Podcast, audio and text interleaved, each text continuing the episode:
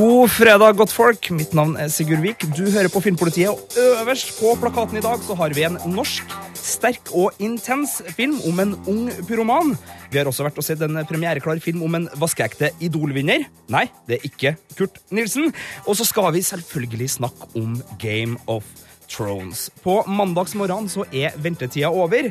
Da kommer sesong seks. Og da får vi kanskje, muligens, endelig svaret på et av livets store mysterier. Hva skjedde med John Snow? Filmpolitiet. Filmpolitiet anmelder film. Tror du det er noen herifra? Nå virker lokalkjent. Du er den første som er enig med meg. Alle andre jeg preker med, mener at det må være noen utenfra. Den nye norske filmen 'Pyromanen' er en sterk og intens fortelling om et forstyrra menneske. Og regissør Erik Skjoldbjerg utforsker hvor galt det kan gå når individet utestenges fra fellesskapet.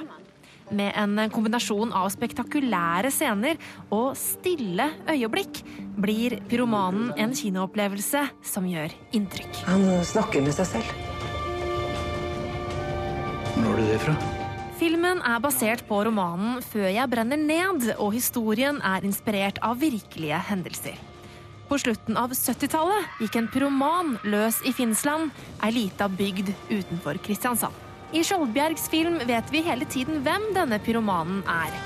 Dag, sønnen til brannmesteren i bygda. Han som har vært med på å slukke branner siden han var ti. Filmen handler dermed ikke om å løse mysteriet om hvem som tenner på husene i Finnsland. Regissør Skjoldbjerg er mer opptatt av å gi oss et innblikk i hvem pyromanen er. Det er en bekk der borte, pappa. Det er ingen som kommer til å merke noen ting. Det er fint. Nilsen har en enorm formidlingsevne og et stort register å spille på. Dag har et blikk som treffer meg rett i ryggmargen. Det er noe sårbart der som skriker etter anerkjennelse. Olav! Han er her! Erik Skjoldberg og teamet hans brant virkelige hus til grunnen under innspillingen av Pyromanen, noe som har resultert i noen særdeles spektakulære scener. Men det er ikke bare hvordan flammene slikker seg oppover treverket som gjør det til en flott film å se på kino. Lyden av brannen er noe helt spesielt.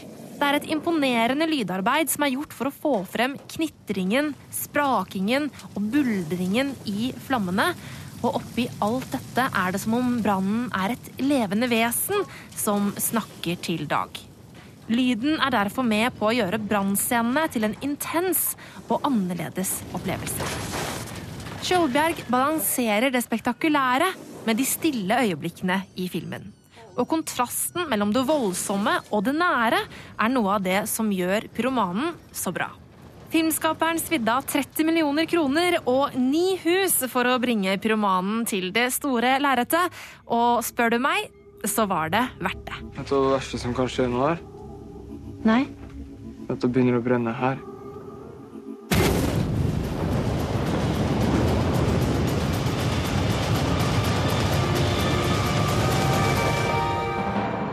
Terningkast fem. Filmpolitiet. Filmpolitiet. Les mer om film, spill og serier på p3.no Filmpolitiet. Litt eh, tidligere i sendinga så ga vi Erik Skjoldbergs nye film Pyroman terningkast fem. Uh, Marte Hedenstad, som var anmelder der, hun har også møtt uh, regissøren.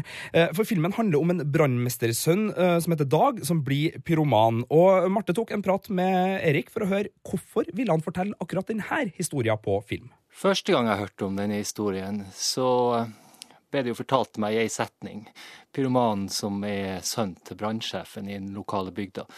Og da lo jeg. Um, for at jeg syns det hørtes uh, så pussig ut. Siden, når jeg leste boka til Gaute Heivold, så uh, fikk jeg en helt annen uh, innlevelse og kjente et sug i magen um, når jeg tenkte på de menneskene som var tettest på hendelsen, og, som, og ikke minst hovedpersonen.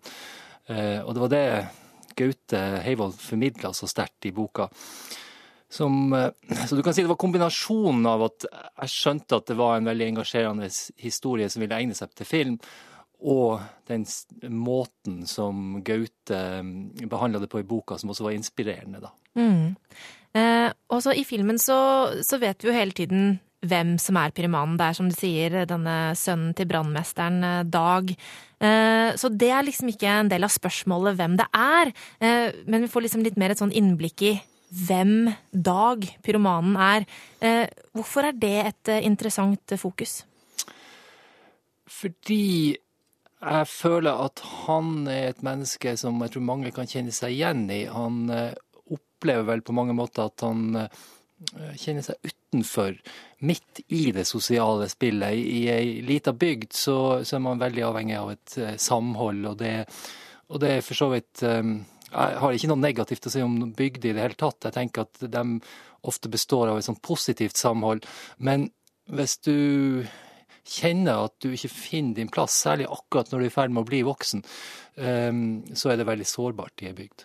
Mm. Um, og jeg, jeg fikk også veldig sympati for Dag da jeg så filmen. Uh, sånn, sånn, rent konkret, uh, hvordan jobba dere for å, for å, få publikum til å føle empati med ham? Jeg tror veldig mye av nøkkelen for meg her lå i å gjøre det rette rollebesetninga, altså det vi kaller cast. Så med en gang jeg hadde funnet Trond Nilsen, så eh, Jeg husker fra de første opptakene jeg gjorde med han, så ble jeg helt eh, målløs når jeg så på det i skjerm. Um, fordi han Jeg vet ikke hvordan jeg skal beskrive det. Han, han fikk meg til å glemme alt rundt. Um, jeg følte meg på mange måter trollbundet av um, de uttrykkene som han kom opp med, og de kjentes så autentisk. Sånn at det var egentlig utgangspunktet. Å finne noen som var troverdig, og som kunne bære disse her motsetningsfulle eh, driften som, som, som, man jo har. Og som på en måte kunne gjøre det på en måte sånn at alle vi andre kan kjenne oss igjen i det. For jeg tror jo det at, at det å være menneske er eh, sammensatt, og at vi og en av de egenskapene vi har som mennesker, det er jo det at vi kan kjenne oss igjen i andre når, det, når vi ser det uttrykt sånn. Mm. Eh, og Trond Nilsen er jo veldig sterk eh, skuespiller i, i filmen. Eh, tok det lang tid før du fant han til rollen? Ja, Det tok en stund før jeg fant han. Jeg hadde sett han i 'Kongen av Bastøy' og tenkte på han. Men det var vanskelig å få tak i han. Ja, han satt jo inne. Men han, han imponerte meg veldig med Han har et eller annet med, ved, ved blikket sitt som som går litt sånn rett inn i margen på deg. Eh, er det bare fra han, eller, eller er det noe som eh, du har hatt regi på eh, for å få frem?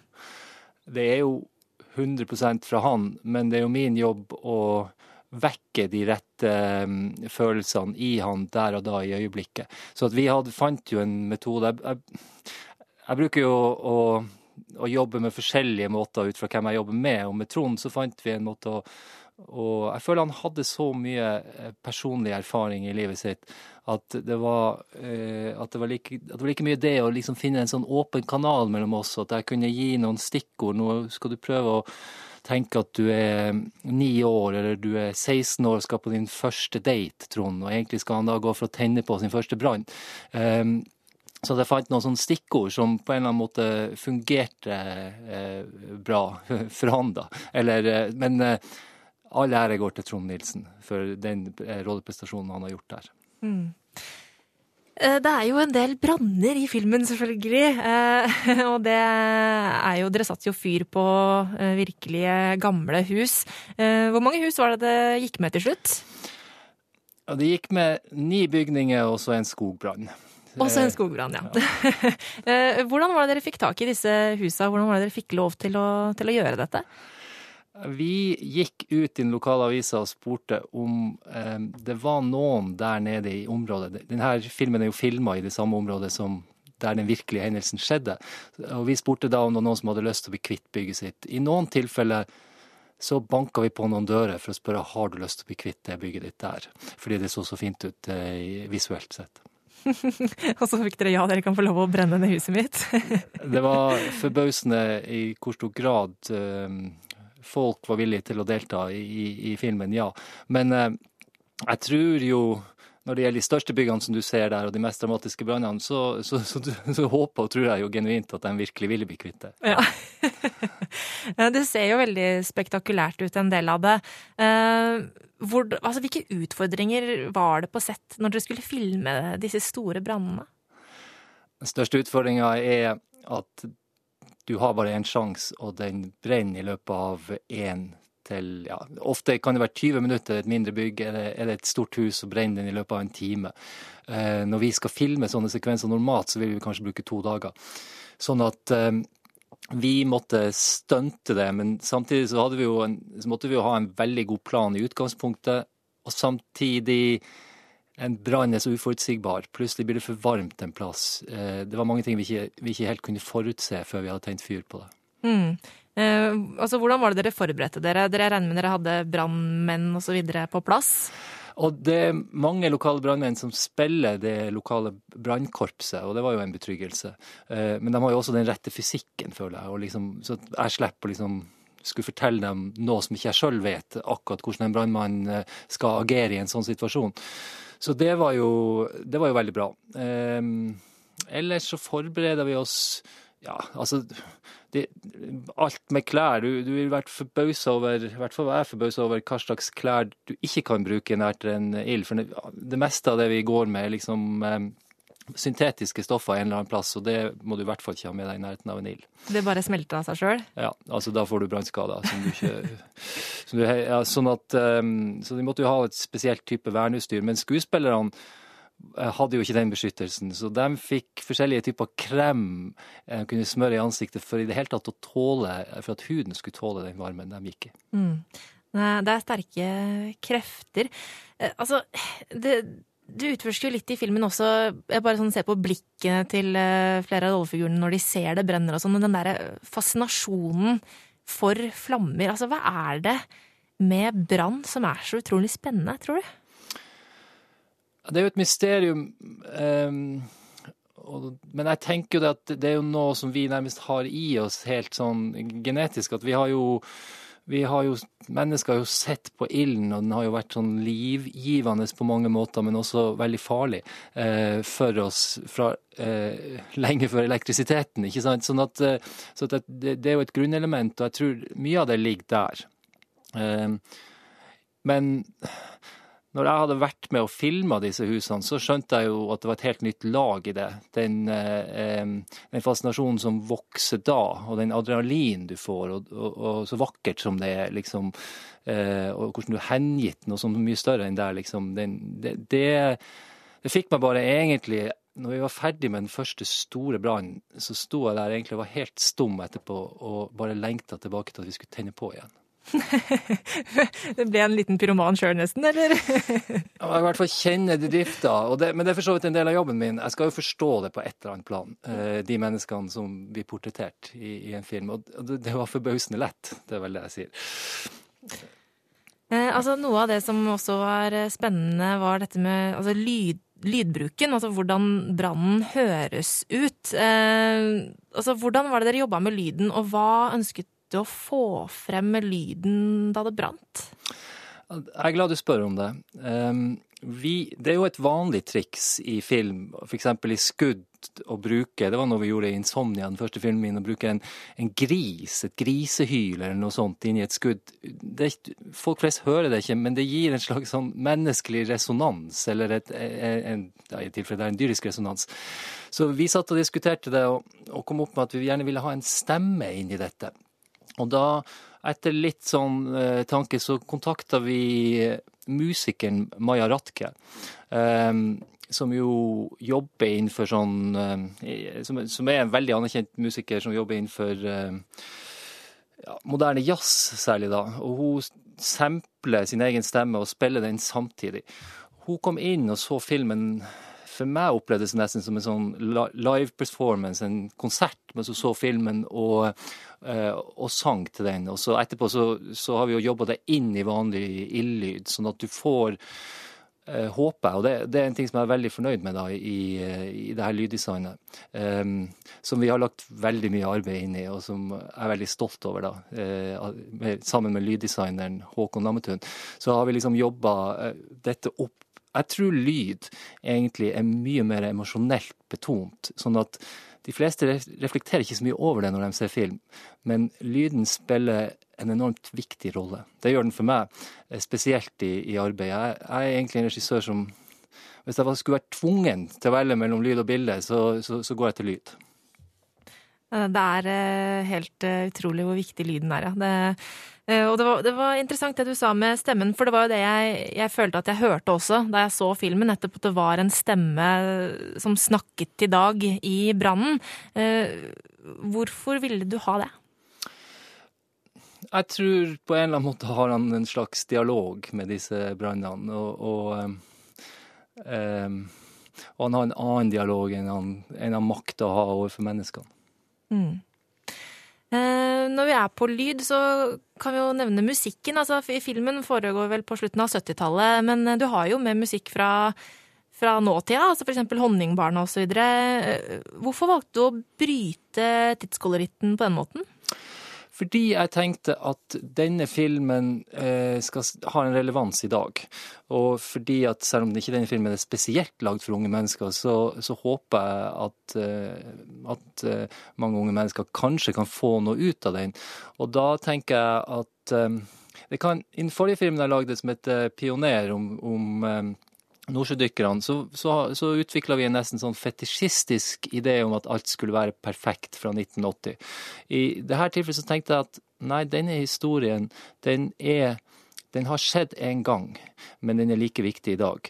Og den eneste forskjellen Vi vurderte jo til og med om vi skulle lage den i nåtid, men forskjellen er mobiltelefonens eh, inntreden. Det, det forandrer en historie på, på, på, på sånne logiske sett.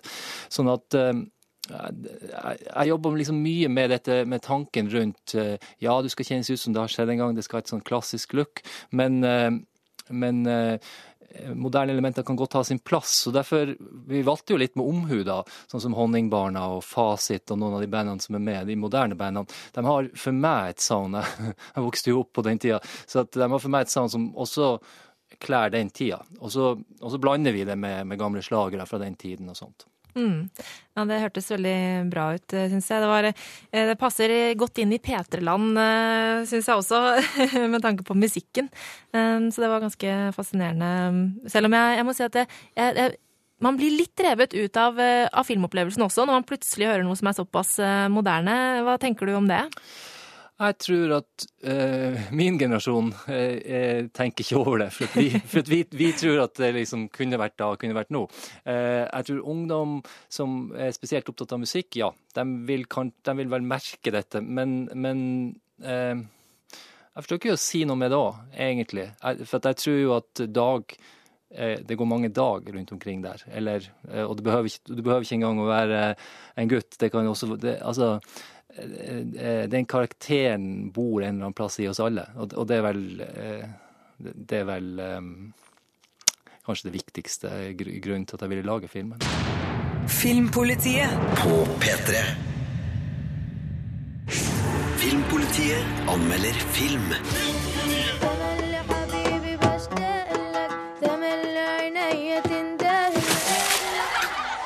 Idol er en hjertevarm og underholdende film om den første palestinske vinneren av nettopp Idol. Filmen er basert på den sanne historien om Mohammed Asaf fra Gaza, som i 2013 gikk helt til topps i den arabiske versjonen av sangkonkurransen. Med nydelig musikk, noen gripende gode skuespillerprestasjoner og effektivt tilbakeholden bruk av Gazas mest brutale aspekter, så treffer regissør Hani Abu Assad med en film som kombinerer en musikalsk heltehistorie med innsikt. Artistdrømmen og mot alle odds-spenninga ligger hele tida som den røde tråden i historia, men regissør Abu Assad bruker filmens enkle feelgood-mal til å flette inn humørfylte deler av Gazas hverdagsliv, som vi ellers sjelden får se på norske skjermer. Idol foregår i to perioder. Den første delen følger Mohammed som ung gutt i 2005. Dette er en bittersøt og fengende historie om en ung vennegjeng som drømmer om å bli musikere. Leda an av Mohammeds gatesmarte og omsorgsfulle søster Nour, klarer ungene å jobbe seg opp nok penger til å skaffe noen brukte musikkinstrumenter. Og med Mohammeds vakre stemme i sentrum får de krangla til seg noen lavbudsjetts spillejobber for familier som ja, har lyst til å spare litt på bryllupsband. تخليش حد يخليك تحس انه احلامك مش مهمه I filmens andre del møter vi igjen Mohammed i 2012, da som en ung taxisjåfør som drømmer om å være med i Arab Idol i Kairo, Egypt. En drøm som avhenger av at han klarer å komme seg ut av stengte Gaza, i tillegg til å selvfølgelig utkonkurrere alle de andre Idol-deltakere. Regissør Hani Abu Assad legger opp til at publikum har kjennskap til situasjonen i og rundt Gaza. Han bruker liten tid på å sette oss inn i storpolitikk og områdets brutale historie, og etablerer i stedet for et Gaza sett gjennom barnlige øyne, hvor latteren sitter løst og tunneler til Egypt brukes til å frakte falsk burgermat til Gazas velstående.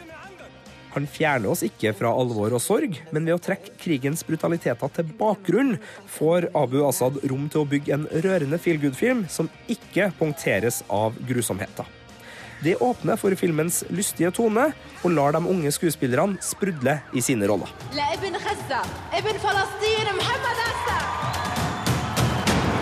Terningkast fem.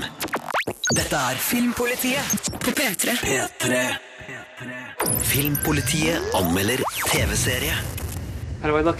If I'm being honest, like a ventriloquist dummy. If I'm lying, you look like shit. Jeg synes Silicon Valley har vært noe av det morsomste som har gått på skjerm de siste årene. Situasjonskomedien tar for seg livet til noen supersmarte, men sosialt utilpassa programutviklere i tech-hovedstaden Silicon Valley i California.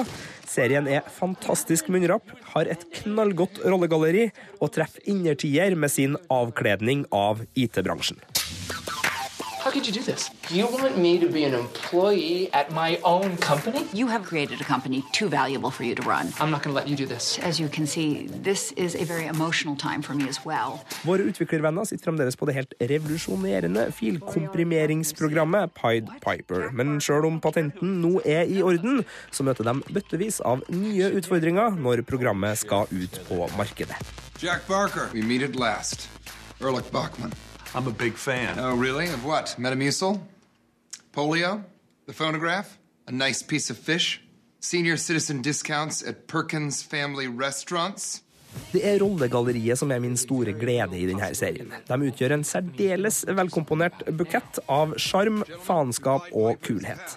TJ Miller, som vi sist så som bartenderkompisen til Deadpool, er igjen høvdingen av upassende og grovkjefta fornærmelser. Han har en komisk timing og en tilstedeværelse som gir serien en ekstra dimensjon.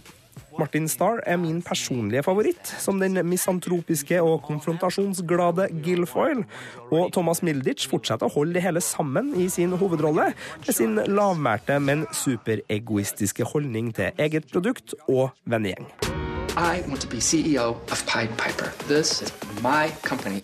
I worked my ass off to build this company. I made it. I deserve it. And that is my final offer.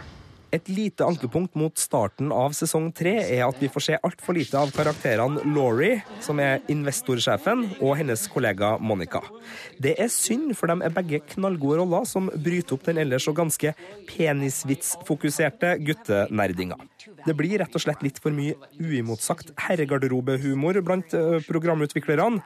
Det må gjerne serien gjøre noe med. Ellers så er det her pur glede for meg. Beavis and Butted-skaper Mike Judge har skapt en komedie som både refser, hyller og portretterer en bransje som stadig spiser mer og mer inn i våre liv og inn i våre dingser og bomser og sånne ting. Og siden alle hemninger er kasta over bord i denne serien, så er det både kjempemorsomt og ganske lærerikt å henge i Silisiumdalen. Yes. Now we'll do some jumping. You gotta catch me in midair or it's not worth the energy. Here we go. Terningkast fem. Filmpolitiet med Sigurd Vik. Natt til mandag nå så kommer Game of Thrones tilbake. Vi har ikke fått sett nå, men det betyr ikke at vi ikke gleder oss. Marte Hedenstad, Jeg gleder meg! Oh Du gleder deg? my god. Vet du hva? Jeg gleder meg en smule til å se uh, altså, sesongpremieren på den sjette sesongen, som jeg ikke har fått sett noen ting av på forhånd, som selvfølgelig er kjempeurettferdig for meg. Ja, for Vanligvis så er vi bortskjemte filmpolitibetjenter. Mm. Kjempebortskjemt med det at vi får episoder litt sånn i forkant, sånn at vi kan anmelde for sånn kanskje fire episoder, fem Ja. episoder. Ja. Men i år, HBO sagt sånn nei, nei, nei, nei, nei. Ingen får, så da må jeg rett og slett som alle vanlige dødelige øh, våkne opp eh, midt på natta. Det er vel klokka tre, tror jeg, det, episoden blir lagt ut, og bare benke meg foran TV-en og bli like overraska som alle andre om hva som Slutt på White Walker-eksistensen til Marte Hevenstad der. Men du, hva er det du gleder deg mest til med sesong seks? Jeg gleder meg jo helt sjukt til å finne ut av hvordan det går med Jon Snow. Er han 100 dau? Blir han gjenopplevd, eller bare forsvinner han ut? Altså, Hva er det som skal skje? Vi har vel, altså, Det er jo blitt observert eh, altså, Kit Harrington på sett, eh, så vi vet jo at det er noe som skjer der. Men hva er det som kommer til å skje med Jon Snow? Det er jeg sykt spent på å finne ut av. Tror du du får vite det? Jeg håper at vi får vite det i liksom, den første episoden. Hvis ikke syns jeg det er skikkelig dårlig gjort. For da må du vente til neste Ja, og det går natt til mandag. Hvordan blir døgnrytmen din fremover nå, forresten? Ja, For det her skal, skal jeg holde på sånn i, eh, hver eh, natt til mandag? Være våken? eh, Går det an? Jeg må i hvert fall gjøre det på sesongpremieren. Ellers så tror jeg kanskje nok at jeg dessverre må vente til sånn ettermiddagen på mandager. Det er jo helt ekstremt. uh, en ting som er litt spesielt nå, er jo at bøkene er tatt igjen. Sånn at Mm. vi har liksom ikke noe, noe rettesnor i bøkene å lene oss på lenger. Nei, nå- Så nå er det TV-serie. er TV-serie. Mm. Og det har jo på en måte plaga litt folk uh, som lurer på liksom sånn, hvorfor kan ikke George R. R. Martin, som skriver bøkene, bare skrive litt fortere? Og I tillegg så er det jo en annen ting man er litt bekymra for i forhold til at bøkene skal være inspirasjon, og det er jo at George R. R. Martin begynner å dra litt på årene. Begynner å dra litt på baderomsvekta. Og det er jo folk som liksom tenker for seg sjøl sånn hm, opp, Hvordan skal dette skjer gå? noe med han. Men du er jo ikke bare dem som uh, tenker det, for du har jo møtt George R. R. Martin, og jeg syns vi skal bare høre litt hvordan uh, det gikk når du møtte George, uh, George tidligere. Oh, Hva var det i fjor, det her, Marte? Det var i fjor, ja. Some fans are talking about being afraid that you, knock on wood, might pass away before you finish the thing. What do you say to that? Nei, that's I think it's really rude to ask questions like that. Yeah, we told people to go and fuck themselves when they. Vart, eh, var det en eh, pressedame som sa we, we usually tell people to go fuck themselves Ja. til deg, Marte? Ja, det var Fordi det. du spurt, Hva var det du spurte, Altså, George? jeg, jeg spurte om hva han syns om at eh, fansen uh, er redd for at uh, han skal gå bort. Uh, det ble ikke tatt så Og det er klart, For bokfansen så er det en ting som en del tenker litt på. Mhm. At han må bli ferdig med å uh, skrive alle bøkene. Men for TV-seriefans nå så er vi litt friere, ikke da? Nå altså- blir TV-serien sin egen greie. Det gjør det. Uh, Nå har jo serieskaperne sagt at uh, de skiller litt vei fra bøkene nå, og det kan skje ting i TV-serien som ikke kommer til å skje i bøkene. Så det blir veldig spennende å finne ut av eh, hvordan det her blir, rett og slett. Ja. Jeg, vi skal snakke mer om det her, for jeg har en ting som jeg lurer veldig på i forhold til serien nå. For det er noe som har skjedd den siste sesongene som jeg vil at du skal hjelpe meg å okay. kanskje sove litt eh, bedre om. Men det blir etterpå. Først skal vi ha litt musikk her i Filmpolitiet. Filmpolitiet med Sigurd Vik. Vi snakker Game of Thrones her i Filmpolitiet, for nå er det bare et par døgn igjen til sesong seks har premiere på HBO Nordic, og alle sammen kan benke seg for å se hva det er som eventuelt dukker opp av kjente og kjære fjes, eller kanskje de ikke er der. Hvem vet, hvem vet, hvem vet. Men én ting er i hvert fall sikkert, og det her, Marte Henstad, du er liksom Game of Thrones-eksperten vår. Du har nesten Ja. bøkene, sett alle seriene så mange ganger at det sannsynligvis er litt i overkant, men ok da. Det, Nei, det kan ikke bli for men- mye Game of Thrones, Sigurd. Det går ikke an. Men én ting jeg lurer på, det er bare, jeg har lagt merke til det når jeg satt og, og så igjen litt her nå. Ja. Det er ganske sånn mange serier i samme serie nå, når man tenker sjanger. For Ja. hvis man liksom tar litt sånn, eh, går gjennom det her eh, kartet over eh, Vesterås og Essos, da, så har man liksom i Bortafor veggen Ja. eh, så har det nå blitt en sånn zombieserie hvor folk bare som Walking Dead ramler over vegger og Ja, ja, ja, ja. opp med kragebeinet og slå det på plass. Zombier, på en måte litt. Ja. Så der har vi zombieserien. Eh, og så kan vi liksom reise til Bravos, hvor eh, Ja. Aria holdt på. Der er det litt mer sånn mystisk død Altså Ja, litt sånn eh, det De levende døde der Ja. men der er det med, med ansikter som går av, og litt mer sånn mytologisk, nesten religiøst. Ja, det, kan- Eh, det, er, det er og, jo og litt sånn eh, filosofisk i forhold til moralbiten. Og en Mhm. helt annen stemning. Ja. La oss ta en tur bort på det som skjer med, med Stannis og Bolton i Winterfell. Ren vikingserie, tenker jeg. Vikings ain't got nothing on Game of Thrones. Brutal vikingserie. Brutalt. Mm. Så reiser vi til eh, Vi skal jo nå mot Hodor, forhåpentligvis igjen. Ja! Eh, Hodor, Der er det jo Hodor. også noe sånn mystisk anna greier. Men Der det er det jo sånn magi åndelig og magi. sånn eh. Ja. Og så har man litt sånn sandwipers borte i sør, og litt sånn eh, Så, sverd- og og sandalsjanger.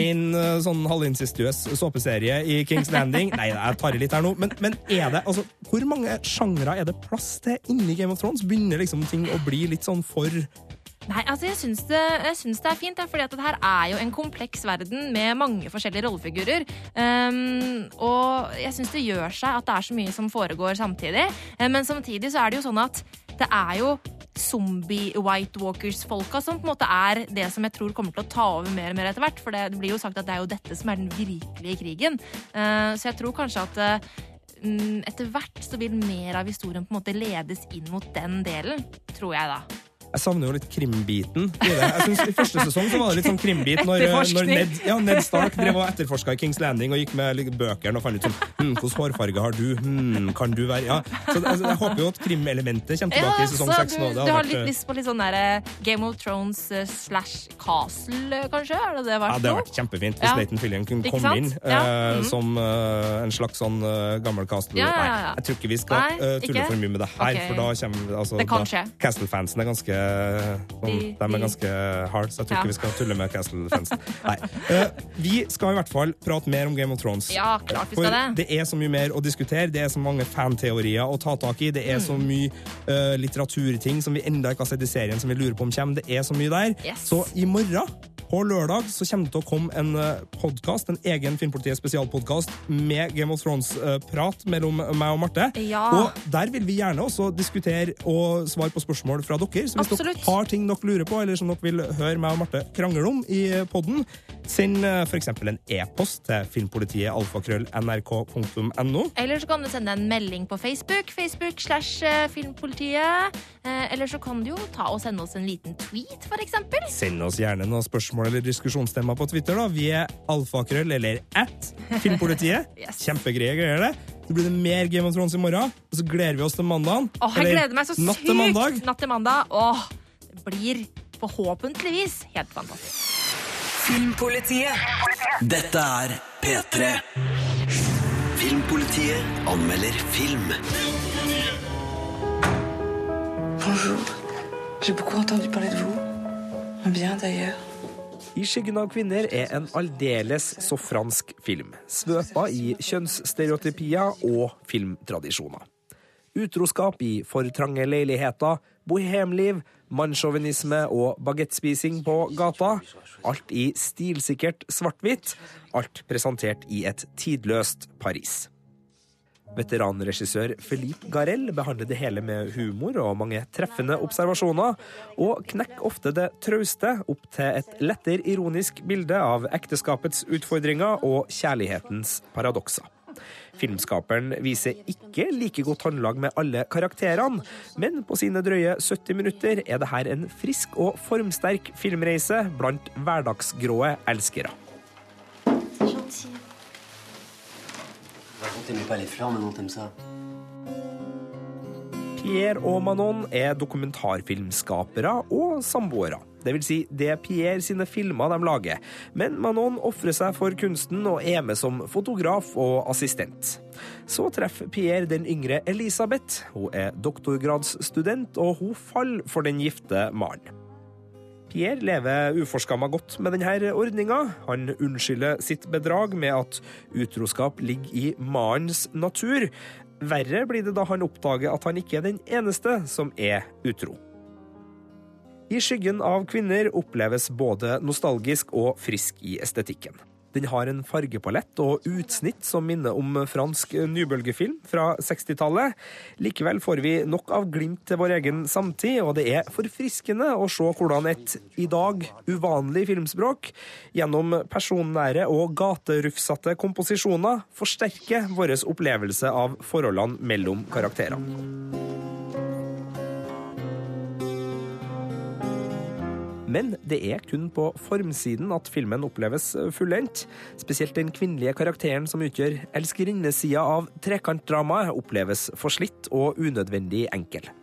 Filmskaper Garels lek med stereotypiene får ingen forløsning i studenten Elisabeth, som foran kamera forblir den kua og håpløst forelska elskerinna. Og når det distanserte og lett ironiske laget glipp, så smaker det jo fort litt ekkelt av mannlig sjåvanisme i de franske skyggene. Terningkast fire. Les mer om film, spill og serier på p3.no Filmpolitiet. Melissa McCarthy er tilbake i nok en breial og rappkjefta komedie. Vi har tidligere sett henne i Bridesmaids, Spy, The Heat, og i dag så er det premiere på The Boss. Marte Hedenstad, Hallo, hallo. du har sett The Boss, som Å, ja har kinopremiere nå. Yes. Hvilken film er det her? Eh, Det her er jo da en sånn typisk helsprø komedie, da, vet du. Uh, Melissa McCarthy spiller uh, en, en jente som uh, vokste opp på fosterhjem og i barnehjem og sånne type ting. Og derfor hadde hun ingen familie, og da hun ble eldre, så brukte hun da penger som substitutt for dette. Og nå er hun USAs 47. rikeste kvinne. Eh, Men så havner hun da oppi litt sånn eh, innsidehandeltrøbbel, da, vet du. Blir slengt i fengsel, og når hun kommer ut igjen, så må hun da få hjelp av sin tidligere assistent. eh, Spilt av Kristen Bell, da, til å på en måte komme seg på beina igjen. Um, og så er det noe um, Hun skal da starte en sånn slags nytt konsern som hun da baserer seg på speidergjengen til eh, Kristen Bell sin datter i filmen, eh, hvor hun da skal på en måte lage kaker og tjene dritmye penger på det. Så det her er jo selvfølgelig da bare tull og sprøyt. Eh, helt eh, far Høres ut som en Adam Sandler-film med Melissa McCarthy. Ja, og, og det er faktisk også et, et lite eh, sånn Hun kommer ut av det som et nytt og bedre menneske, som jo alltid Adam Sandler gjør i sine filmer. Eh, så det er på en måte på det nivået det ligger. Um, men det er ganske Det er sånn passe morsomt, altså. Hva er det som ikke funker? Nei, Det som ikke funker, er at manuset er jo ganske dårlig. og det er veldig mye sånn enkel og platt humor her. Veldig mange klisjeer som brukes igjen og igjen. Eh, men eh, filmen er litt artig når på en måte Melissa McCarthy får eh, eh, på en måte improvisere litt eh, og på en måte dra på med de der drøye greiene hun alltid driver på med. ikke sant? For hun er ei kjempeartig dame. Hun er en veldig artig dame. Ei, ei knallartig dame. Hun er veldig artig. Men dessverre så er ikke Kristen Bell like artig. Jeg hadde stor sans for hun i Veronica Mars og sånn. Eh, men her blir det litt sånn, og det er jo rollefiguren sin feil også, en litt sånn flat, lite engasjerende figur som ikke hun klarer å heve noe særlig. Um, så det drar filmen ned litt. og så er det rett og slett det at det er litt sånn dårlig manus, men det er morsomme elementer her, som eksempel når Melissa McCarthy drar i gang en sånn en, en fight mellom to rivaliserende speiderjentejegger. og hun på en måte bare slår ned liksom sånn småjenter og banker opp. Ja, det er ganske veldig merkelig, Det liker du. litt morsomt. Er det her fredagsdatefilmen eller søndagsfilmen? da? Ja, altså det her eh, Jeg tror ikke jeg ville gått på kino på denne her på en fredag. Eh, Den filmen her passer eh, egentlig best på en litt sånn bakfull søndag hjemme i sofakroken. Eh, Da går det an å le av den, eh, for litt morsom eh, er The Boss. Og terningkastet blir Terningkast tre. Filmpolitiet. Filmpolitiet. Les mer om film, spill og serier på p3.no Filmpolitiet.